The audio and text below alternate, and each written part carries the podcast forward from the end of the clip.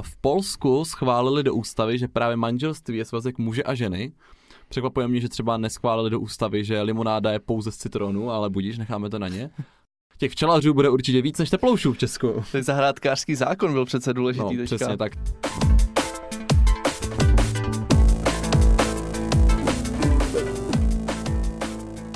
Ahoj, nazdar, čau. Ahoj všichni. Já jsem David. Já jsem Marek a vítám vás u dalšího dílu podcastu Homo Politicus. Tentokrát se podíváme na to, jaký je rozdíl mezi manželstvím a registrovaným partnerstvím v České republice a jak to vypadá s LGBT manželstvím v zahraničí. Tak Davide, od kterého konce to dneska vezmeme?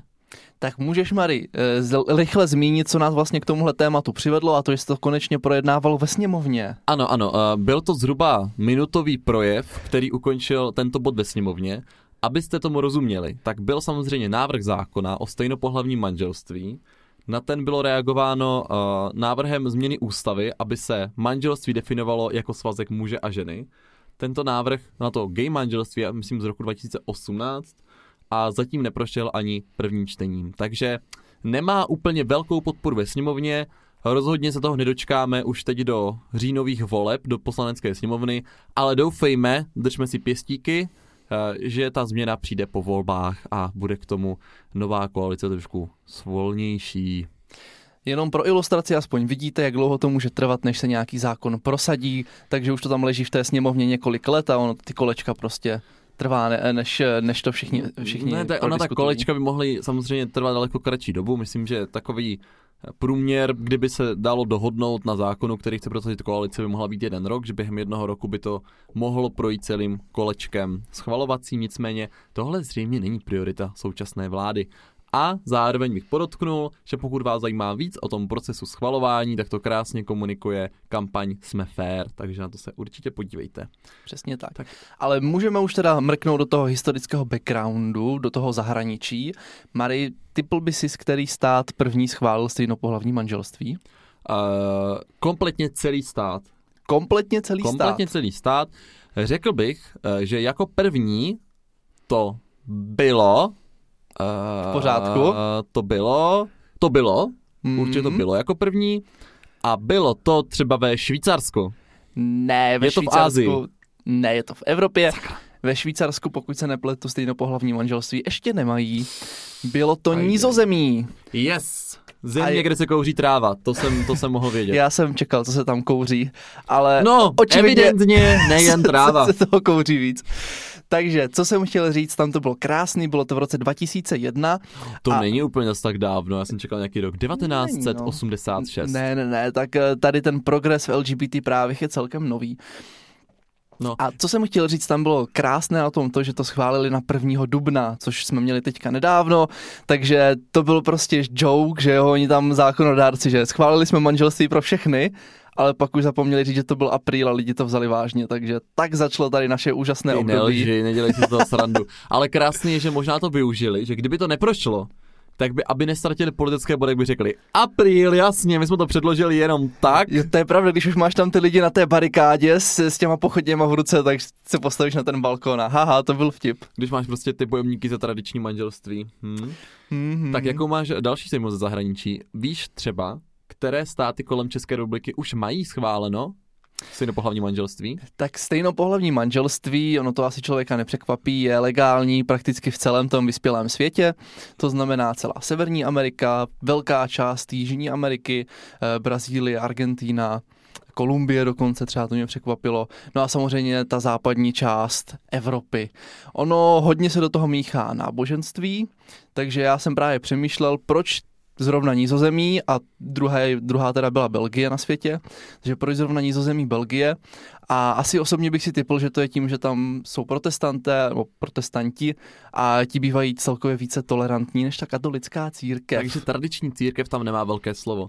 Pak je se ale tak. nabízí samozřejmě ten druhý pohled a to je to, jak je možné, že v zemích jako Česká republika, která je nejvíc ateistická na světě, to ještě neprošlo, a pochopitelně to má nějaký historický vývoj, kdy jsme tady dlouhodobě měli komunismus, takže ani běžně eh, nebylo úplně možné se vyautovat, protože tady v těch zemích jako eh, Německo, Francie a podobně, tak normálně eh, LGBT komunita žila na veřejnosti jako dnes, samozřejmě to mělo asi taky nějaké své konsekvence, ale bylo to značně uvolněnější. A měli třeba už jiné formy, ne, jako, jako my máme třeba to registrované partnerství, takže oni měli jiný, fo, jiné formy zase soužití. A byl to nějaký vývoj. No, u nás byli lidi zvyklí, že přece geové neexistují, takže potom po 89. se najednou objevili zřejmě ze západu, takže chápu, že pro spoustu lidí to vlastně ani nebyl žádný problém. No vlastně existovaly i předtím, typl by si, kdy u nás byla homosexualita dekriminalizovaná. Řekl bych, že to bude v 70. letech. 61 pokud se nepletu, 1961. Ale byl jsem blízko, já si myslím, docela že jo, docela, docela jo. Jako mám odhad. Takže taky to není úplně tak dávno a překvapilo mě, že potom až do 1990, znamená až po revoluci, tak eh, dokonce to nebylo úplně srovnatelný nebo srovnaný s heterosexuálním sexem, protože eh, normální páry mohly souložit už od 15, zatímco homosexuální až od 18. To je zajímavé, to je zajímavé, ale hlavně jsem chtěl říct, eh, že to, že to bylo dekriminalizované, neznamená, že k tomu byl úplně běžný přístup. Asi, to ne, to ne. Když přišel na ústřední výbor KSČ a řekl, že jsi gay, tak se úplně nedostal třeba výjezdní doložky. A nebo naopak, možná, že jsi gay a hned ti dali výjezdní doložku, aby si tě zbavili. nevím, nevím těžko říct. No každopádně, tohle je věc, která se řešila i v první republice a byla kriminalizovaná i v první republice, takže to není úplně výplot komunismu. Je to tak? To není. není. Třeba mě překvapilo a to zase souvisí s tím, proč až do 90. let mm, jsme mohli souložit až od 18 let. tak dřív dokonce byl, existovalo několik typů homosexuality a to byla homosex... homosexuálně ústní a kam to vedáš? Ne, ne, ne, schválně si můžeš zase jako typnout, co to bylo. To byla homosexualita konstituční. Jste si podepsali smlouvu na ten sex. Měli tam parlament a tak. Ne, to mě právě překvapilo, byly dva typy homosexuality. Homosexualita konstituční a homosexualita získaná. Takže i ze zákona bylo doporučené, aby se k tomu přistupovalo různě, protože se věřilo, že jenom malý zlomek lidí eh, má jako rádo stejné pohlaví už od narození, zatímco ti hmm. ostatní to prostě od nich chytili a proto právě až třeba do 18 let jsi nemohl spát se stejným pohlavím, aby tě nezatáhli tady do té eh, jak to říct, špatné komunity. Ano, já když jsem měl 18 let, tak jsem se hodně snažil zatáhnout spoustu lidí do této komunity, abych vlastně rozšířil, rozšířil naše stoupence. Tak ty jsi to měl zrovna tu vrozenou, to máš štěstí, protože k těm se mělo přistupovat mírněji a dostávali lepší tresty, třeba jenom nějaké léčení tak to je v pořádku. Naštěstí vědecký vývoj, ačkoliv někteří poslanci ho popírají, dokázal, že sexualita je věc vrozená, že se pohybujeme na určité škále a tak dál a tak dál. To asi všichni známe. To je asi nejdůležitější argument spousta vědeckých studií pro manželství pro všechny. Uh, což člověka nepřekvapí, předpokládám, že i ty jsi o tom někde četl. Už je... Jako jak i ty, jakože. tak ty, ty... Běžný člověk o tom četl, ty nevím, možná tohle i ty bys mohl obsáhnout. Tak eh, ty jako člověk trošku méně vědecky založený. Prosím. Dobře, tak jako bych nic neřekl. V pořádku. Byly zajímavé studie, eh, před, no, nepřekvapivě potvrzující, že manželství pro všechny je pro LGBT komunitu dobré, jak eh, psychicky, tak tam bylo i psychiatricky, tak... Tak to je překvápko, to je překvápko. Ano, ano, takže celkově na duševní pohodu lidí je dobré, když je společnost uznává. Sociologové předpokládají, že když stát nemá manželství pro všechny, tak to vede k ostrakizaci té LGBT menšiny a k mnohem větší tendenci k diskriminaci, což zase asi třeba mě úplně nepřekvapí. Co mě ale překvapilo, tak eh, bývá spoustu, častokrát se říká, že dítě musí vyrůstat v rodině, kde je muž a žena, což jsem bral jako takovou jako přirozeně, že by mě to jako dávalo asi smysl mít ženský, mužský vzor, něco takového. Nebo asi bych, není to úplně z těch nejdebilnějších argumentů, ale vědecké studie tohle to vyvrací a dokonce jsem uh, si pročítal vědeckou studii, kde měli, mělo na děti pozitivní vliv, že vyrůstali uh, v, jako v, ve stejnopohlavním manželství nebo v, u rodičů, kteří mají stejné pohlaví. A to už se dostáváš tím samotným argumentům. Já bych ještě se chtěl dostat k těm zahraničním státům.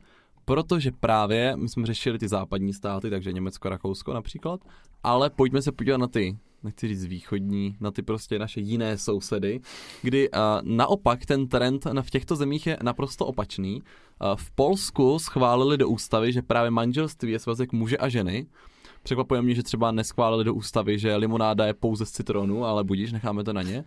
A Slováci naopak zatím nemají ani registrované partnerství, takže... A ti to mají taky nějak ušet, ústavně ošetřené, myslím. To ne? nevím, ale nemají ani registrované partnerství, že tam není vlastně žádná forma soužití muže, Mhm. a, muže a ženy a ženy, nebo něčeho a něčeho, to záleží, jak se každý uh, definuje.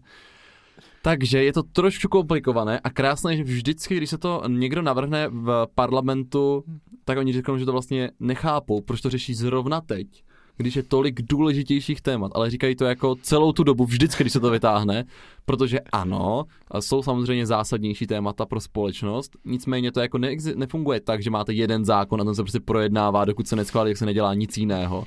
To jako souběžně je několik eh, zákonodárných procesů, takže to jako nestopuje žádnou jinou činnost. Proč se věnujete tomu a neděláte něco jiného, pane ministře? No tak pan minister asi nesedí celý den a nečte si zákon pro všechny, eh, manželství pro všechny.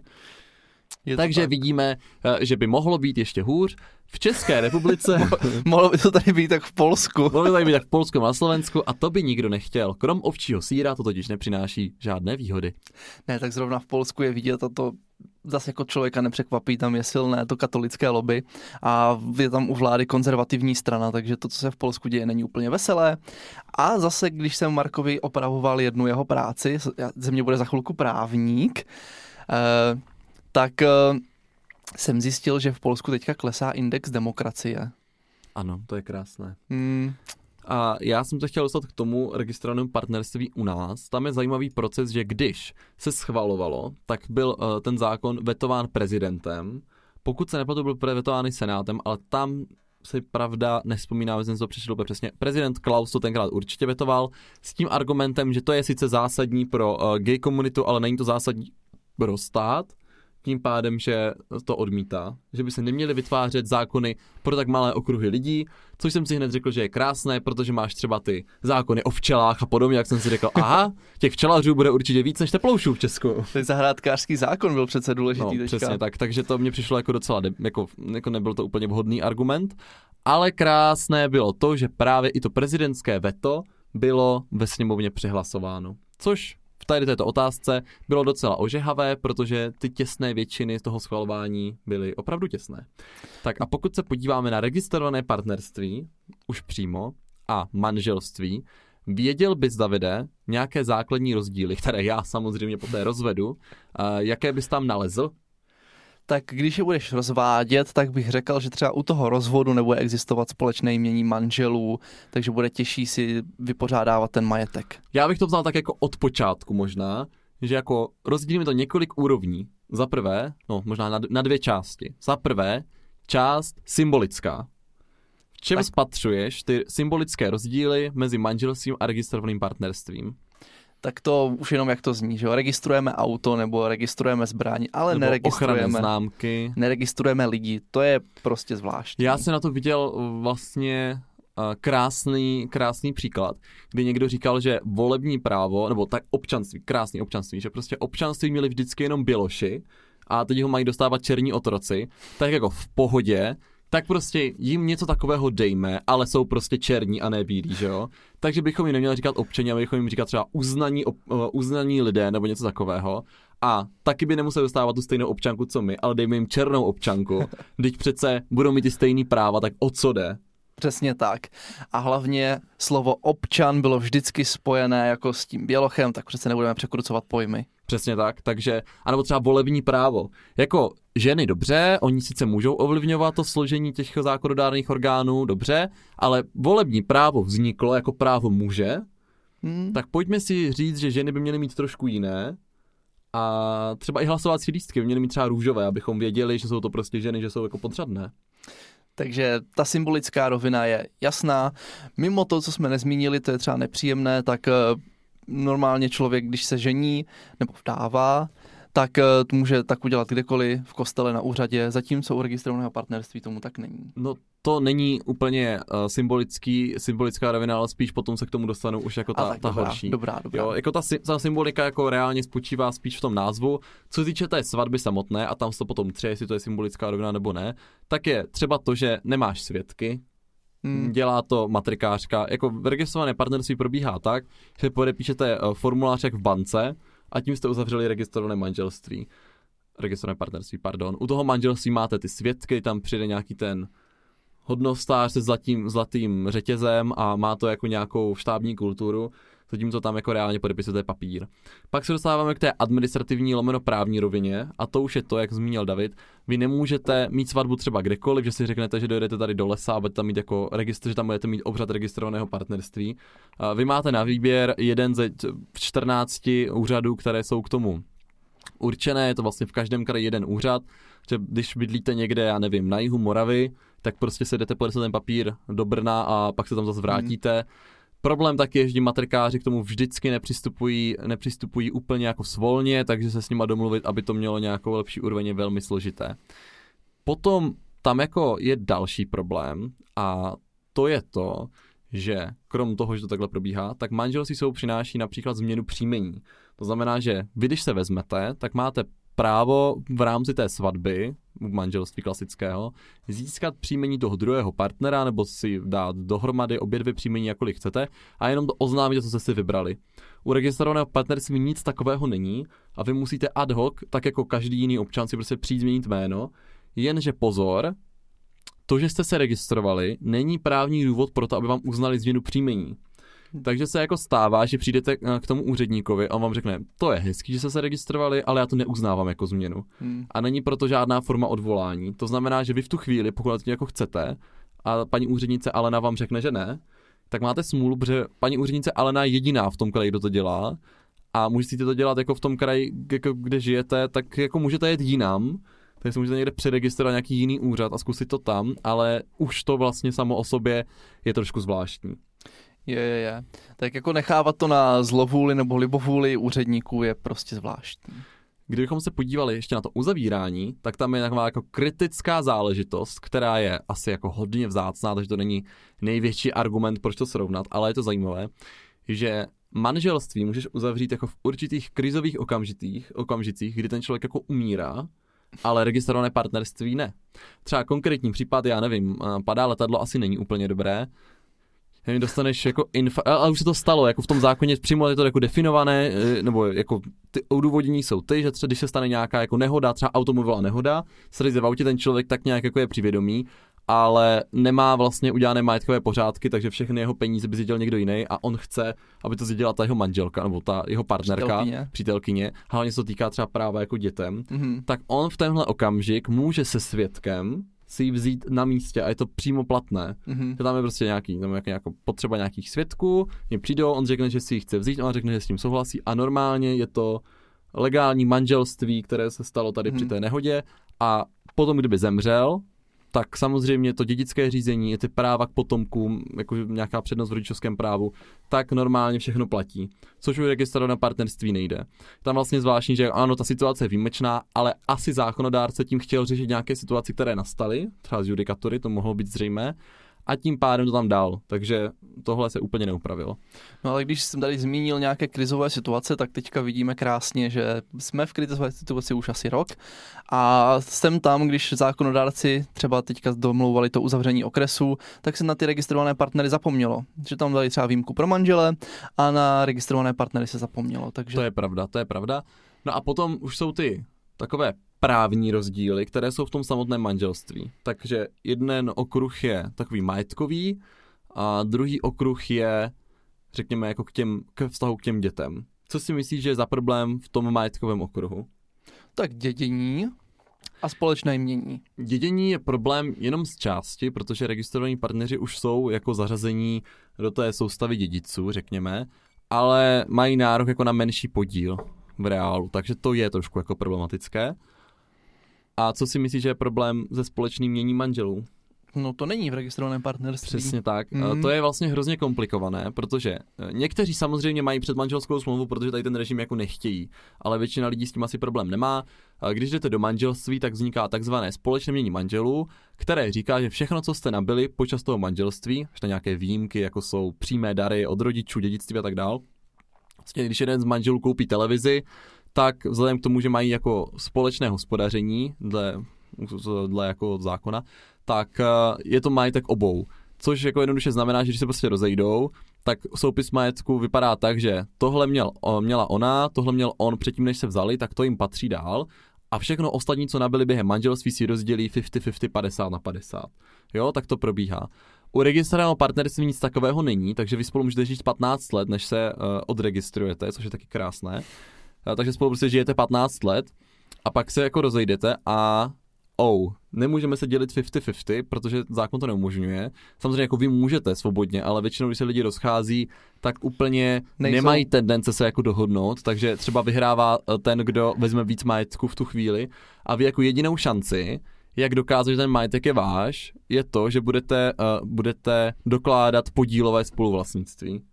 Což... Jako upřímně, kdo si 10 let schovává účtenky třeba. No, ale jak jako na té účtence ještě jako dokážeš, kdo ji platil? To je pravda. No. To jako, když platíš z karty, tak platí jako jeden. Jak jako hmm. dokážeš, že na to máš nějaký podíl toho podílu? Protože tam to by šlo, kdyby tam bylo jako nějaký doklad, že 50% zaplatil ty, 50 já, ale to jako nejde dokázat. To znamená, že většinou ten, kdo to zaplatil jako reálně z té karty, nebo je napsaný na nějaké faktuře, jak toho je to a podílové spoluvlastnictví smůla. Takže to je podstatný rozdíl. Pak jsou uh, problematické části občanského zákonníku, které řeší společný, společnou domácnost, protože tady to vlastně jako vůbec nefunguje. Hmm. Takže to není úplně dobrá věc. A potom je taková jako jedna taková nepříjemná věc a to se týká umrtí, protože vy, když jste manželé, tak máte nárok na vdovský důchod. Mm-hmm. Když jste registrovaní partneři, tak nemáte nárok na nic. A teďka je otázka. Ten vdovský důchod existuje ne kvůli tomu, aby, já nevím, no prostě on existuje jenom kvůli tomu, aby jako odstranil ty sociální situace, které můžou nastat. Představte si, protože jsou třeba páry, muž a žena. Žena může být klidně v domácnosti, nemusí pracovat, může pracovat na půl vazek, nebo má prostě plat 20 tisíc a dělá někde jako na úřadě třeba nějakou nižší pozici a muž může být klidně podnikatel a vydělávat 50 tisíc, 60 tisíc, 100 tisíc, to je úplně jedno, prostě nějakou jako množství. Nebo třeba žena byla doma, neměla zrovna práci, muž pracoval a on zemře, stane se nějaká nehoda a ona z měsíce na měsíc má snížený příjem ta domácnost už je jako sama, ale ty náklady zůstávají. Hmm. Ten vdovský důchod nefunguje tak, jak dřív, že dostáváte 30 let nějaký jako příspěvek za to, že vám někdo umřel, ale je to právě na to, že asi když vám umře někdo, kdo měl příjem 50-100 tisíc měsíčně, nebo i kdyby to bylo 20 a vy nula, tak ty náklady vy nedokážete zrušit stejně rychle, než vlastně vy zrušíte všechny ty náklady, protože potom se budete stěhovat třeba do menšího bytu, něco, nějak to budete řešit, ale je tam jako časové období, kde to nezvládnete snížit ty náklady, protože ne, nemůžete to zrušit hned, to prostě nejde, máte nějaký výpovědní lhuty a tak dál.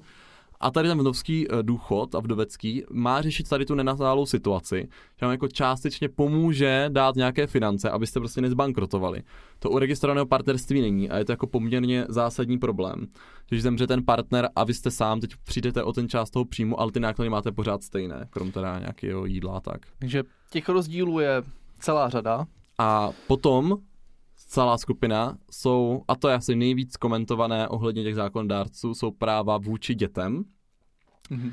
A tam vidím jako dva největší problémy.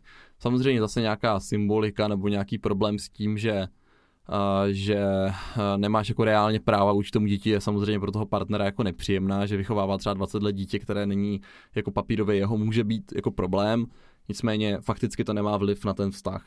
Ale jsou věci, například představte si, že jste pár, uh, vzhledem k tomu, že v České republice nejde adoptovat dítě jako registrovaný partneři, což mimochodem je unikátní, u nás jste mohl homosexuál adoptovat dítě, to jako není žádný problém, ale nemohl si ho adoptovat, pokud byl registrovaný. Už to jde. Už to jde. To Už to prostě, jde. to bylo tak, to bylo, dostal se k soudu, že to je jako paradoxní situace, kdy lidi si rušili registrované partnerství, aby si mohli adoptovat hmm. dítě a pak se znova registrovali. No ale každopádně ho může mít adoptovaný jenom ten jeden. Ano, problém je to, že ho může adoptovat jenom jeden, nemůže ho adoptovat dru- dva a ani uh, ten člověk nemůže adoptovat nebo osvojit si dítě toho partnera. Hmm. To znamená, že vy se prostě dáte dohromady, po nějaké období vztahu si jeden z vás adoptuje dítě, protože oba nemůžete a teďka samozřejmě jsou ty situace. Dítě ti bude 10 let, takže už ho 10 let vychováváte oba dva a asi jako někdy se stane, že třeba jedete na výlet s dítětem jako jeden, druhý je v práci a vy vezmete svého syna někam na výlet. Dojedete 50-60 km za město, jedete tam třeba na kolech a on spadne někde na ulici a teď co? No dobrý, tak jdete do nemocnice a tam vám řeknou, jo, super, má otřes mozku, takže my ho vyšetříme, je, ale vy vlastně nemáte žádná rodičovská práva, hmm. tak ať váš partner přijede. Což je... jako je dost i depresivní, si myslím, ta situace. To je zvláštní, že právě třeba i v té silně katolické Itálii, tak eh, tady tohle mají vyřešené. To znamená, že v registrovaném partnerství je možné adoptovat děti toho druhého partnera.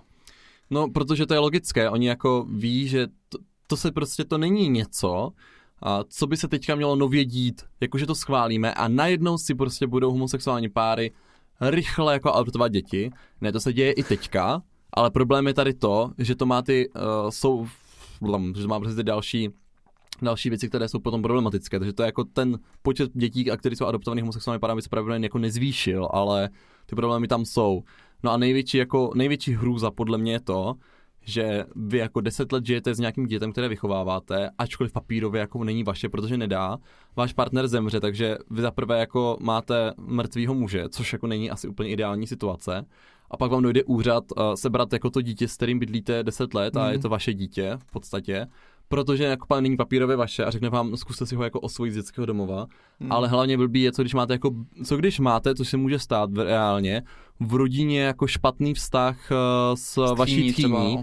nevím, prostě tchýně je homofobní, takže řekla svému synovi, ať skočí z mostu radši, než aby jako se spolu dál potkávali, ten si adoptuje nějaké dítě, potom zemře a tchýně řekne, jo, tak já si ho beru, abych ho vychovávala v normální rodině. Hmm. A ten jako partner, co ho 12 let vychovává, jako vlastně nic, no. vůbec nemá šanci, hmm. absolutně. Hmm. Tak to je jako úplně, nedokážu si jako představit ten moment, kdy tohle řeší.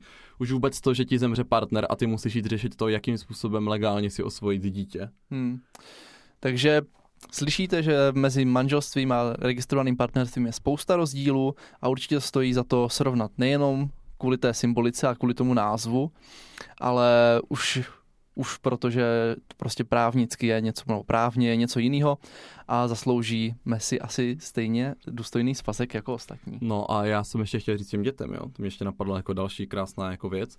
Vy když, protože to dítě se jako, jeden z vás adoptuje, protože se dohodnete, že chcete mít dítě a po 12 letech se rozejdete nějakou hádkou, prostě to je úplně jedno a partner vám řekne, že ho nebudete navštěvovat a máte, máte smůlu. smůlu no. A vy nemůžete mít, to, nebudete mít žádnou jako náhradní péči, že budete týden tam, týden tam, prostě máte smůlu. Hmm. Jo, to je úplně nepředstavitelné. Ale teď jsem se chtěl zase ještě k těm argumentům, které jako nejčastěji ty strany využívají a jsou jako nejvíc debilní. Abych udělal žebříček to každý, každý slyšel argumentů. úplně stokrát už, to je. Takže klasika uh, manželství, to slovo vzniklo jako spojení muže a ženy, to úplně ano. miluju.